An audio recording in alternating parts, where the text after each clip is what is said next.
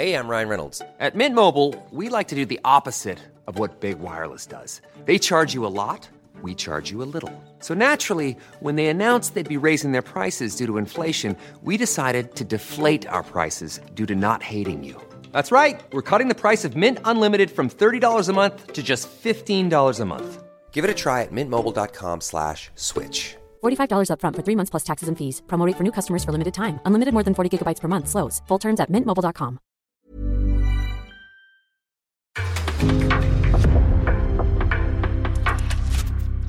En podcast från Aftonbladet. Äntligen lossnade det. Sverige är klara för kvartsfinal med besked. Men det är en superhärlig känsla. Det, det här var ett drömscenario att vi skulle göra det på det här sättet och jag tycker vi, vi spelar bra, vi är effektiva, vi är bra på fasta situationer och vi visar på hur starka vi är. Personligen så ville jag att vi skulle vinna den här gruppen för jag tycker att det är ett häftigt statement egentligen. Mest det liksom att ja, vi har en hyfsat tuff grupp ändå. Vi har Nederländerna som är, vann EM senast liksom och, och vi vinner den här gruppen. Skitviktigt. Eh, så det känns jättekul. Vi pratar om vad det här resultatet egentligen säger om Sverige, önskar kvartsfinalmotstånd och hoppas att fläktarna på Carden Park levererar när värmeböljan drar in. Ja, det blir eh, fullt fräs på fläkten. Så vad väntar vi på? Nu sparkar vi igång.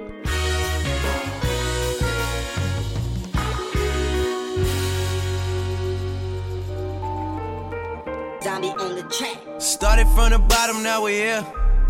Started from the bottom, now my whole team fucking here. Started from the Vi bottom. skojar lite att efter första matchen så, så låg vi sist i tabellen bara för att vårt land är på S. Så vi, vi sjöng lite started from the bottom, now we're here. Så vi skojar lite om det. Eh, även om vi visste att vi, vi eh, någonstans skulle klara detta så var det kul att, att liksom fira nu på riktigt och veta att allt är klart. Hur mycket lättnad var det att få den här storsegern ändå? Jo men alltså mål är alltid gött såklart så att, eh, att vi kunde få in fem mål idag eh, är såklart eh, jätteskönt. Men viktigast var att vi vann och det, så har det ju varit i de andra matcherna också och nu är vi kvartsfinal så nu börjar det på riktigt. Och så här lät det alltså i Sveriges omklädningsrum efter 5-0-segern mot Portugal. Det var ganska lättade spelare efter. Olivia Skog drog fram luftgitarren också på inneplan. Hon sa det måste man göra när Queen kommer på. Med i bilen nu där ni som lyssnar får åka med sitter Pontus Orre, vår chaufför och fotograf. Frida Fagerlund och Petra Thorén i baksätet. Och jag, Anna Rydén, här framme och håller låda. Sitter och vänder mig bakåt. Får hoppas jag inte blir lika åksjuk den här gången som när vi åkte hem från Sheffield. Spelarna lättade. Vad är känslan i bilen? Ja, det är ju en annorlunda sinnesstämning jämfört med när vi var på väg hem, eh, hem från Sheffield. Då sa jag, sa jag till och med åt eh, Caroline Segers pappa att avboka hotellrummet vid eh, Wembley. Så, så deppig var man efter den matchen. Och här får ju Sverige den här urladdningen som vi har väntat på så länge. De gör fem mål framåt. De är så otroligt starka på fasta situationer och får verkligen utlopp för det i den här matchen. Och Peter Gerhardsson sa det på sin presskonferens att det var någonting de hade pratat om just det här med att vi måste skapa fler fasta situationer för att vi är så himla bra på den biten. Och det gjorde man verkligen här. Man utnyttjade kanterna mer än vad man gjorde mot Schweiz och eh, såg verkligen, eh, verkligen till att eh, ja, man skapa ytor för sig själv. Kosova Asllani kommer vi väl komma in på. Hon gör ju en fantastisk match med lagkaptensbindeln på armen. Så att ja, det är frågan vem som är mest lättad. Det kanske är, kanske är vi här i bilen på något sätt för att man dras ju med rent känslomässigt i, i det som sker kring landslaget. Så att eh, just nu känner man ju att ja, gruppseger, eh, 5-0 mot Portugal, det känns ju helt okej nu ändå. Ja, vad säger du om eh, det Peter, att det faktiskt blir en gruppseger till slut ändå? Magdalena Eriksson var inne på i den mixade zonen där att det här var, blir ändå ett statement, en tuff grupp Sverige har. Man eh, vinner den och nu är man vidare till en kvartsfinal. Eh, ja, nu är jag, jag är ju en känslomänniska men jag är ju inte lika, tror jag, som eh, sveps ju inte med lika mycket utav hur det går för Sverige för att eh, jag blir, och det blir jag när jag jobbar, så himla liksom distanserad på många sätt eh, och lite grann så här, ja men det, det, blir det resultatet det blir. Sen var det härligt att se att, att eh, det lossnar för Sverige, eh, spelet. Eh, flera olika målskyttar. Jag tyckte framförallt då Kosovare Asllanis sätt att, eh, att eh, liksom visa vad skåpet ska stå i den här matchen. Hon är ju både en drama queen, en eh, liksom, den här sortens spelare som, som jag tänker mig att man kan både älska och hata beroende på vilken, uh, vilken sida man står på. Men, men hon, hon, är ju fantastisk på många sätt och det, det, var, det, det var häftigt att se. Hon ledde vägen. Sen tyckte jag var, gillar jag ju den här... Oj, nu tog Anna en bild så att uh, det blixtrade hela bilen. Nej, men sen gillar jag också det här varianten. De ändå satt en, en, eh, en, en frisparksvariant som visste att eh, Portugal försvarar otroligt lågt och det finns inte någon som går ut mot straffområdeslinjen för att ta, ta den ytan när, när Filip Anjera får stå fri. Så att, äh, det, var en härlig, det var en härlig inramning med fansen. Det var en härlig utla, urladdning på plan. Det var många mål, flera målskyttar, det var många chanser. Eh, och Sverige fått luft under vingarna. Med det sagt så ska vi komma ihåg att det var det sämsta motståndet i gruppen. Eh, det var eh, även ett, ett, Portugal som har ändå utvecklats de här senaste åren men, men det var ju liksom in, inte en motståndare som kunde stå upp och taktiskt liksom matcha Sverige på något sätt. Så att jag vill ändå säga att, att det var bra men det var ganska liksom, väntat att den här matchen skulle vara den enklaste matchen i, i. Ja så är det ju Portugal eh, som eh, fick sin EM-biljett i och med att eh, Ryssland då ströks från mästerskapet i och med invasionen i Ukraina och inte har fått förbereda sig heller på samma sätt som alla andra, inte haft samma uppladdning och så vidare. Men nu har vi städat av Portugal.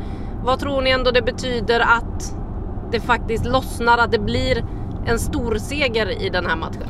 Jag tror att det betyder jättemycket och spelarna sa ju det också att det kändes ändå ganska nervigt i morse när de klev upp och de hade liksom fjärilar i, i magen och sådär. De, de kände jag pressen helt klart. Alltså utåt har de ju försökt hålla sig samman inför oss men det är uppenbart nu i efterhand att, att det har varit eh, en väldigt pressad situation just eftersom att de har gått ut och varit så tydliga med att de är en av de stora EM-favoriterna.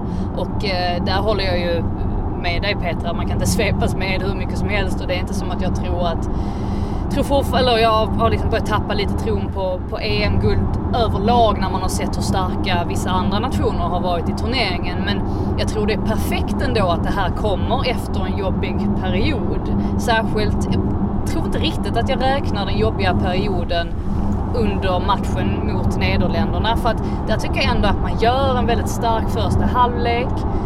Sen så skiftar ju Nederländerna om lite grejer där i, i andra halvlek vilket gör att de kommer mer in i matchen. Och, och eh, Sverige pratar ju om det här att de, de har lite för många touch, de tar lite för, för god tid på sig. Så att alla de bitarna var ju givetvis någonting man kunde peka ut som någonting man behövde justera. Men de verkliga problemen visade sig mot Schweiz ändå som ju visserligen är ett, ett starkare motstånd än vad man kanske ger sken av. Men samtidigt så, så syntes det ju ändå problem i Sverige, särskilt i Sveriges anfallsspel. Försvarsspelet var väl, var väl helt okej okay och de spelar ju med ett väldigt aggressivt försvarsspel. Men, men just att, att där fanns ju saker att arbeta på. Och just att man får då den här urladdningen mot Portugal tror jag betyder väldigt, väldigt mycket. För att nu visar de på något sätt att ja, vi kan ändå få saker och ting att stämma. Vi kan göra fem mål mot en sån här motståndare. Och jag tror att det blir väldigt viktigt att ta med sig in nu i nästa, ja, till nästa utmaning. Plus att de ju slipper möta Frankrike och får en sämre motståndare. Det tror jag var väldigt, väldigt, väldigt viktigt. Ja, vi kan väl ta och lyssna på en av dem som fick målskyttet att lossna då. Till slut efter två bortdömda mål så satt det tredje för Stina Blackstenius och ja, hon säger så här om målet och betydelsen av det. Ja, nej, men jag är glad över det målet. Det är ändå ett bra avslut. ja, det var mycket vilja i det avslutet eh, med tanke på de eh, lägena som inte inte blev mål eller de målen som faktiskt blev bortsömda med offside. Men jag är glad över det. vad betyder det för dig att få gjort ditt första mål i det här mästerskapet? Nej, men för egen del såklart, jag är jätteglad över det, men eh, jag känner ändå att det var mycket annat i, spe i spelet som ändå var, eh, var bättre idag än förra matchen och försöker vara involverad i spelet så mycket som möjligt också. Så att hade det inte blivit mål idag så hade det varit tråkigt, men jag känner ändå att prestationen är, är, är bättre eh, och det tar jag med mig också. Så att, men det går inte att komma ifrån att en, en anfallare som får mycket lägen i en sån här match vill gå, gå av plan och ha gjort mål. Ja Petra, det lossnar alltså för Stina Blackstenius med ett eh, snyggt mål till sist eh, efter de där två offside-avvinkningarna. Men det lossnar inte riktigt för Fridolina Rolfö. Nej, det gjorde det inte och eh, det kommer det säkert att kunna göra. Hon har ju varit en av de som varit bra tycker jag i de matcherna som, som eh, varit tidigare då mot Nederländerna och kanske eh, inte minst mot Schweiz så var hon ju en, en av de spelarna tycker jag som drog upp eh, många anfall och, och, och, skapade ändå lite eh, lite farliga chanser eller liksom situationer och aktioner eh, motståndarnas straffområde och eh, utanför. Men eh, i den här matchen så hade man viktat över lite grann, eh, sin, styrde över pressen en del på högerkanten. Eh, och eh, låg lite högre där med Johanna Rytting Kaneryd som fick komma in, fick chansen. Eh, och Kosovare Slani också som då är en central spelare. Hon, hon klev upp ganska högt så hon var nästan eh, liksom jämnhöjd med Stina i, i i det utgångsläget vilket ju gjorde att eh, Fridolina Rolfö fick eh, falla ner lite defensivt, lite, lite mer defensiv roll och när man spelvände så, så var det ju ofta liksom mot den högerkanten så att att hon hamnade lite längre från mål men eh, sa ju själv att eh, det var en roll eh, som jag gärna tar men jag kan hjälpa laget men jag har mer att ge så att det, man anar ju någonting där. Hon vill också komma på målprotokollet helt enkelt tyckte det var intressant under första halvleken där också om man tänker alltså Sveriges spel. De sökte ju väldigt ofta den långa bollen. Och det var ju säkert någonting de hade pratat om för de är ju starkare i luftrummet så att det visste de ju om. Men just det här att Angeldal och Björn, vi såg ju inte så mycket av dem under första delen av första halvleken just eftersom att de så sällan fick bollen rättvända. Det var ju alltid fel, felvända och då hade de snabbt den portugisiska i, i ryggen. Så att det är väl en sån där grej som man kan ta med sig för det tyckte jag man såg ändå mot Brasilien också att de inte, att de inte riktigt kom med bollen rättvända så att någonting man kan ta med sig till eh, vidare i alla fall. Att de kanske ska försöka lösa det på något sätt. Men, men självklart sökte de den långa bollen i den här matchen just på grund av den typen av motstånd de mötte. Ni har båda varit inne på den spelare som väl var bäst på planen då för Sveriges del med kaptensbinden eh, denna afton. Kosovare Asllani. Hon var ju fly förbannad efter den förra matchen. Ni som har lyssnat på podden hörde henne då. Vi kan väl lyssna vad det var för känslor egentligen eh, hos Aslani efter den här matchen. Efter förra matchen, jag var lite sur men det var mycket som spelade in, det var inte bara fotbollsmässigt. Jag tror jag var lite sur på domaren, jag var lite sur på lite allt möjligt. Så, eh, idag tycker jag en väldigt väl genomförd match. Eh, vi eh, har full respekt för Portugal som landslag. De har gjort det väldigt bra. De spelar 3-2 mot Holland och 2-2 mot Schweiz. Men det är inget dåligt landslag vi möter men samtidigt kände vi väl att det, det var chans att vi skulle åka ut och om vi inte vann idag så det kändes lite extra när man vaknade i morse men eh, jag tycker en väl genomförd match. Eh, vi levererar bollar och passningar, de ytorna vi har pratat om, låter bollen göra jobbet så eh, desto nöjdare efter den här matchen och jag njöt av att spela idag.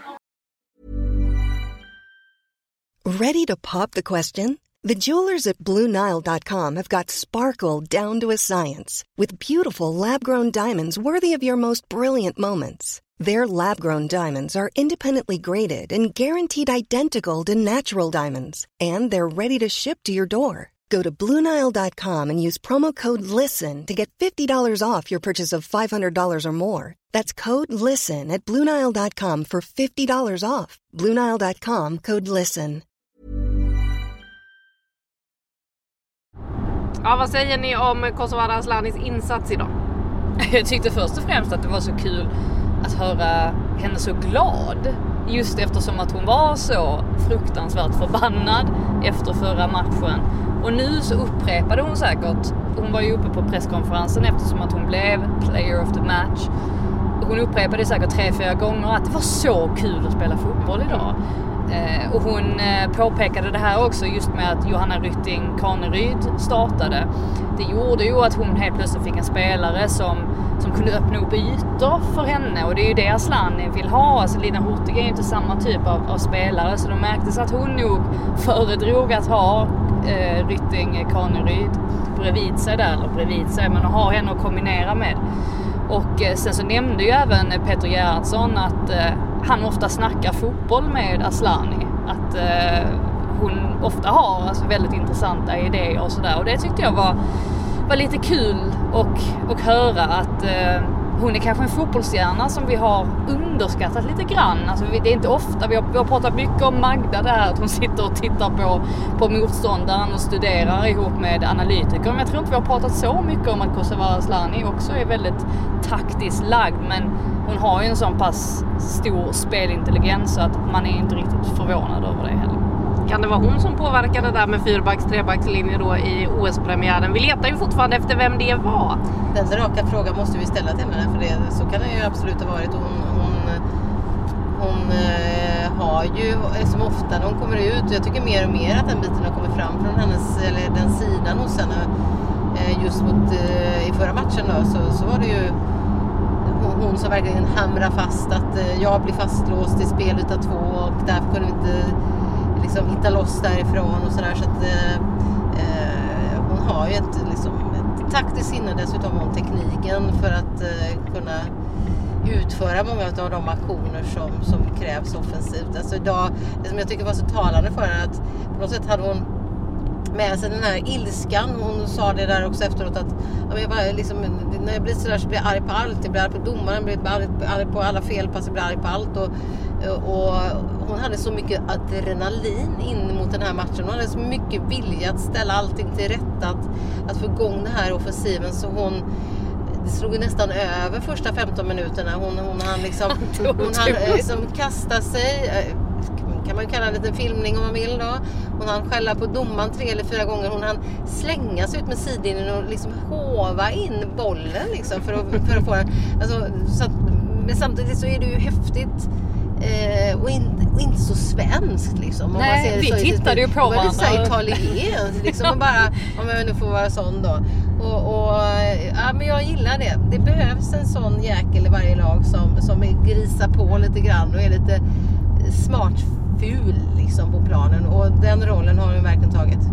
När vi ändå är inne på lite italienskt så pratade ju Peter Gerhardsson om en annan italienare i form av Bonucci. Och varför gjorde han då det? Jo, för Caroline Seger fanns ju inte med i den här matchen. Men eh, det var inte så att hon satt stilla under den. Det var hon som firade varje mål längst, stod och manade på. Hon agerade fläkt i omklädningsrummet i halvtid. Hon var framme och pratade med många av spelarna. Vad, vad sa Peter Gerhardsson egentligen om hennes betydelse? Nej, men först sa han ju, han är ju ganska rolig eh, Gerhardsson, för att först sa han ju, nej jag har ingen aning. Alltså hur det påverkar spelarna, det är väl sånt han inte riktigt funderar över. Sen ger man honom två, tre sekunder så kommer han ju på, ihåg, alltså, på någon anekdot eller jämförelse från, från någon match han har varit på eller spelat själv för den delen. Och nu var det en, match han hade varit och tittat på då med Juventus när eh, Bonucci hade gått igång där väl och, och han, han är ju hetlevrad om någon och, och Gerhardsson påpekade ju att Caroline Seger var inte fullt så aktiv som Bonucci brukar vara. Så att, jag vet inte vad det säger egentligen men aktiv var hon i alla fall och det märktes ju på spelarna eller på lag, hennes lagkamrater att eh, de kände av hennes stöd trots att hon inte var på planen och det tror inte jag man ska underskatta. Det är ganska många lag som gör så när de har en, ja, men en långtidsskadad eh, kapten eller an, annan veteran att de, de låter den spelaren sitta med på bänken just för att de har så mycket erfarenhet och har varit i den situationen så många gånger tidigare så att jag tror säkert att det har, har väldigt stor betydelse.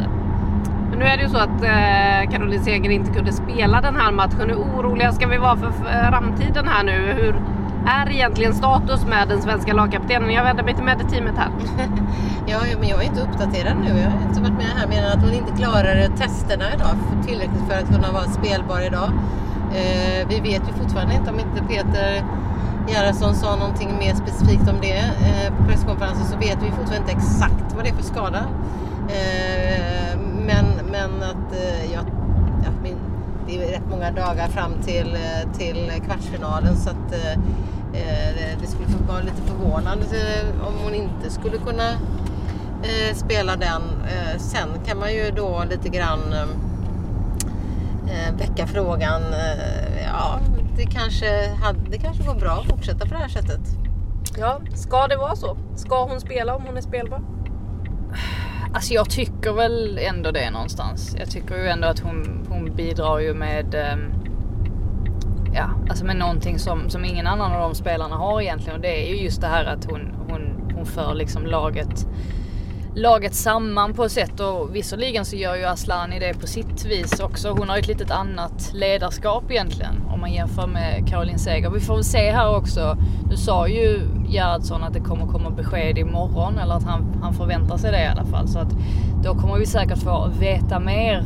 Men eh, ja, Nathalie Björn, jag gillar henne men som sagt jag vill se henne mer rättvänd med boll. Jag tyckte inte att vi såg det jättemycket idag. Nej, vi får se vad det förblir för besked där. Håll er uppdaterade på Sportbladet så märker ni också vad som kommer ut kring Caroline Seger skadad. Det är så man får hålla sig uppdaterad på det senaste. Vi återkommer ju inte precis hela tiden i podden, även om det blir en hel del poddande under den här EM-resan. Och eh, nu så väntar ju då Belgien, Italien eller Island. Frida, vilka tror du Sverige har bäst chans emot? Island tror jag spontant. Petra? Eller nej, Nej. Italien. Italien eller Island. Inte, Belgien har jag faktiskt imponerats av lite grann. Ja, jag är också helt inne på det att Belgien är en sån, eh, som ett lag som vi tror att vi kommer ha lätt emot, men det kommer vi inte ha.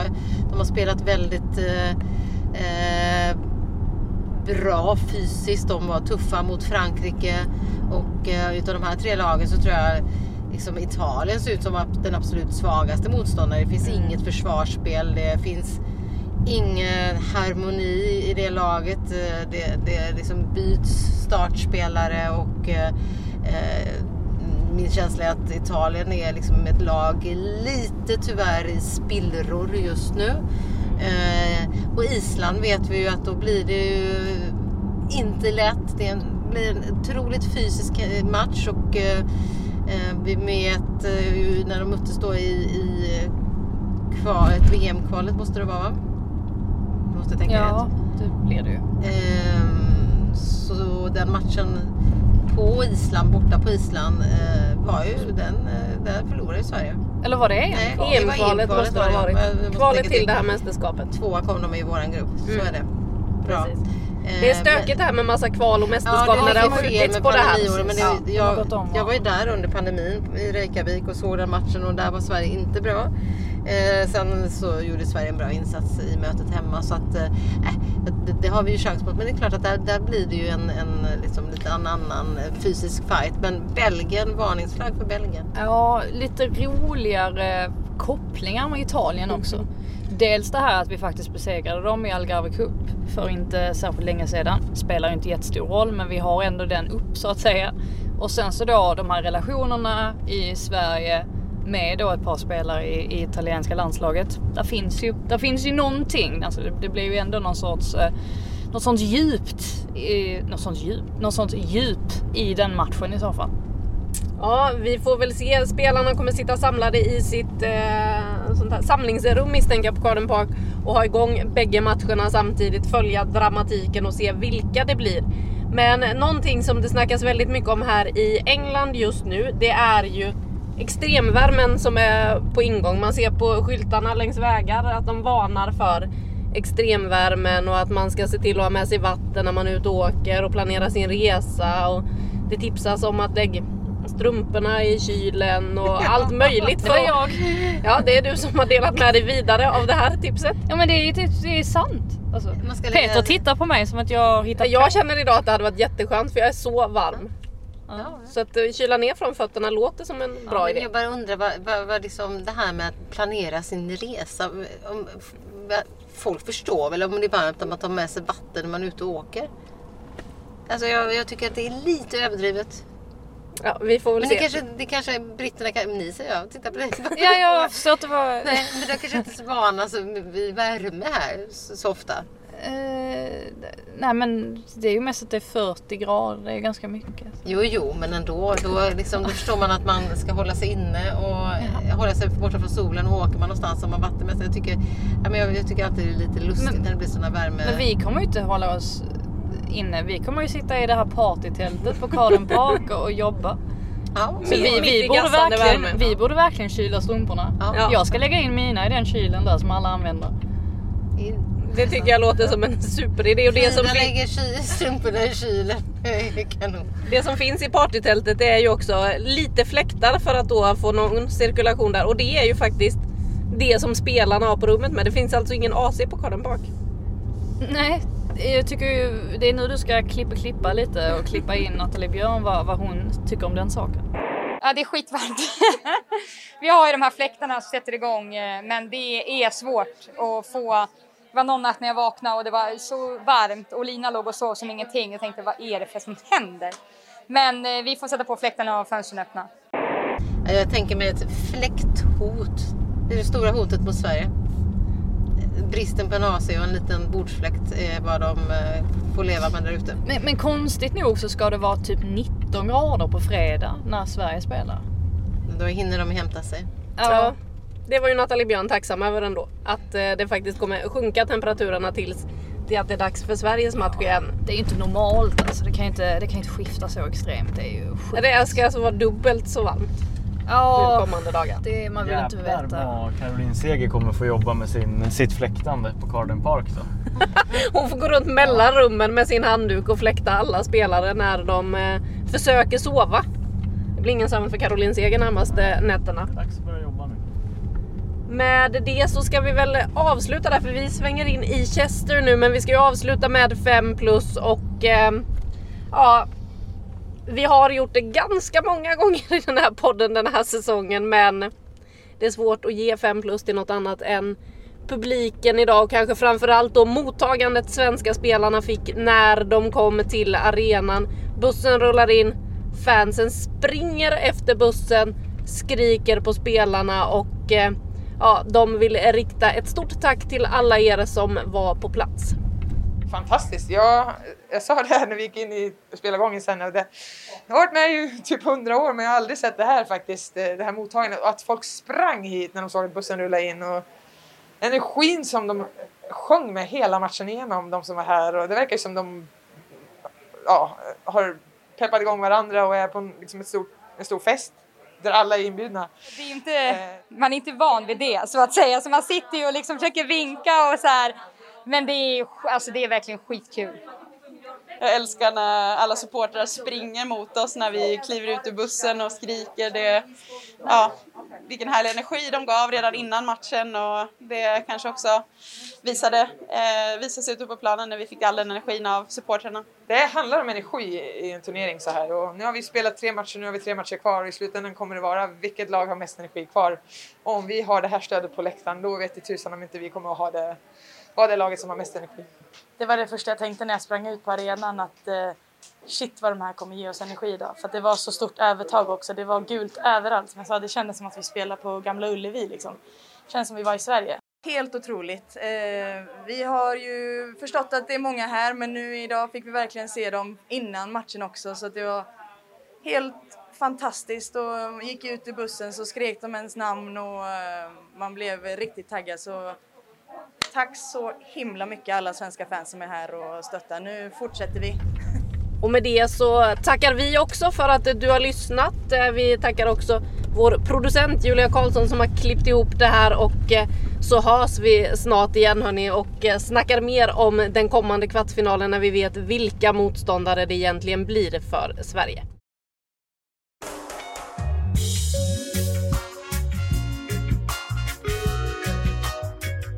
Du har lyssnat på en podcast från Aftonbladet.